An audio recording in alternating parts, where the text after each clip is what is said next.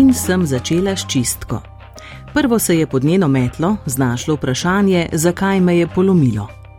Če najdem razloge, bom znala ukrepati in se pozdraviti, kajti sebe sploh nisem videla kot nekoga, ki se zlomi. Razkol med podobo o sebi in realnostjo ne bi mogel biti večji. Za supermene, perfekcioniste in deloholike je na poti v depresijo in izgorelost rezervirana VIP bližnica.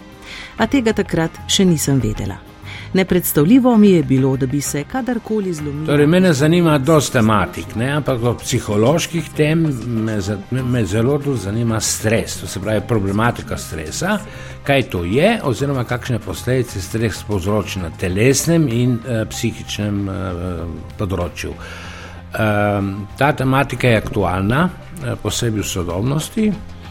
Eh, bila je tudi včasih, ampak ne toliko razširjena. Gre se prvenstveno za način življenja, za tako imenovan hiter tehnološki način življenja, kjer smo zbombardirani z vsemi, hm, bi rekel, temi prepravcami, pa tudi sami informacijami. Se pravi, eh, človek mora zelo zavestno se odločiti, da bo imel nekje svoj način, bolj tudi umirjen način, po pameti, ne, kjer so tudi čustva eh, obvladovana, se pravi, ne ker se vladuje jezo, žalost in tako naprej. V glavnem, uh, treba je kar paziti v sodanjosti, da lahko kako toliko dobro, normalno, tako rečem, živimo. Kako to, da vam je prav ta knjiga o stresu prišla pod roke?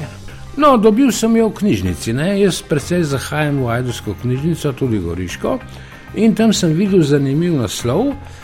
In sem preprosto knjigo izbral. Potem sem jaz to knjigo prebral, uh, tudi si naredil izpiske in sem jo predstavil na Šentu v Ajdušni, na teh delavnicah, kjer sem to jaz pač predstavil, in potem smo imeli pogovore, vsak je povedal svoje izkušnje in je bilo zelo uh, torej, zanimivo. Povejte še nam, kaj najdemo v tej knjigi Stres s podnaslovom Kuga sodobnega časa. Torej, tukaj najdemo več stvari. Zdaj, če bom jaz malo skrčil stvar, ne, bi posebej poudaril uh, lestvico sedmih stresnih družbenih procesov, ki olajšajo, da potem pademo v spolzimo v zlo. Se pravi, Nespametno storjen prvi majhen korak, dehumanizacija drugih, razosebitev samega sebe, razpršitev osebne odgovornosti, slepa pokorčina avtoritetam, nekritična podrejenost skupinskim normam, pasivna strpnost do zla z neaktivnostjo ali brezbrižnostjo. Posebej bi podaril slepo pokorčino avtoritetam. In še nekaj. Eh, pomen avtoritete je bil pri nas in verjetno tudi po svetu stalno poudarjen. To ni nič narobe. Avtoritete so potrebne. Samo govorimo o zdravih avtoritetih, o dobrih avtoritetih, se pa večkrat avtoritete zlorabi. In še nekaj, vsake avtoritete je treba kritično sprejemati. Če govorimo o starših, ne, ko človek otrok odrašča, ker otrok ne more vsega vedeti, ampak ko odrašča, mora malo kritično gledati, se tudi kritično gleda. Isto je v, eh, v službi. Ne? Eh, to je že prav, da nekdo vodi, to ni problem. Problem je v tem, da nekdo zlorablja svoj položaj. In je potem tako, ker smo naučeni, ker smo strenirani v neki svojstveni pokornosti ne, avtoritetam, potem seveda, če neč ne s pametjo delamo, in lahko avtoritetam sledimo tudi v slabo. To se je pokazalo prav v 20. stoletju, še posebej v teh totalitarnih sistemih. Ali nam avtorica uh, pokaže tudi rešitve? Torej, rešitve, vsak na svoj način pravzaprav rešitve išče. Na nek način se je treba proti tem zlorabljajočim avtoritetam upreti. Uh, to, da mora narediti človek sam, je zelo težko, ne? Ker sistem je zmeraj močnejši kot posameznik. Se pravi, je treba nekje moči združiti in potem Zdaj, načeloma so že človekove pravice, pa, pa delovske pravice, pa vse te stvari, ki poznamo. Samo gre se za to, kako se to udejani. Ker potem je tle omenjeno posebej še seveda eh, mobbing, torej čustveno nasilje, recimo to je posebej tudi izpostavlja, potem je socialna izključenost, ki je hud, bi rekel, eden od krutih pritiskov na posameznika. No, In kaj je samo zlo? Se pravi, uporabo moči, s katero drugega namerno, torej ranimo psihološko ali ga poškodujemo. fizično. No, če rečem malo o tej socialni izključenosti, torej to je za zavračanje gre ali marginaliziranost od želenih odnosov, in potem, ko je posameznik iz skupine izključen, izgubi vse psihološke in materialne prednosti povezane s pripadnostjo, izgubi socialno mrežo, socialno podporo, obveščenost in tako naprej. No, potem omenja ta psihično nasilje, se pravi, eh, to je eh, mobbing, torej psihično nasilje na delovnem mestu, ima več teh oblik.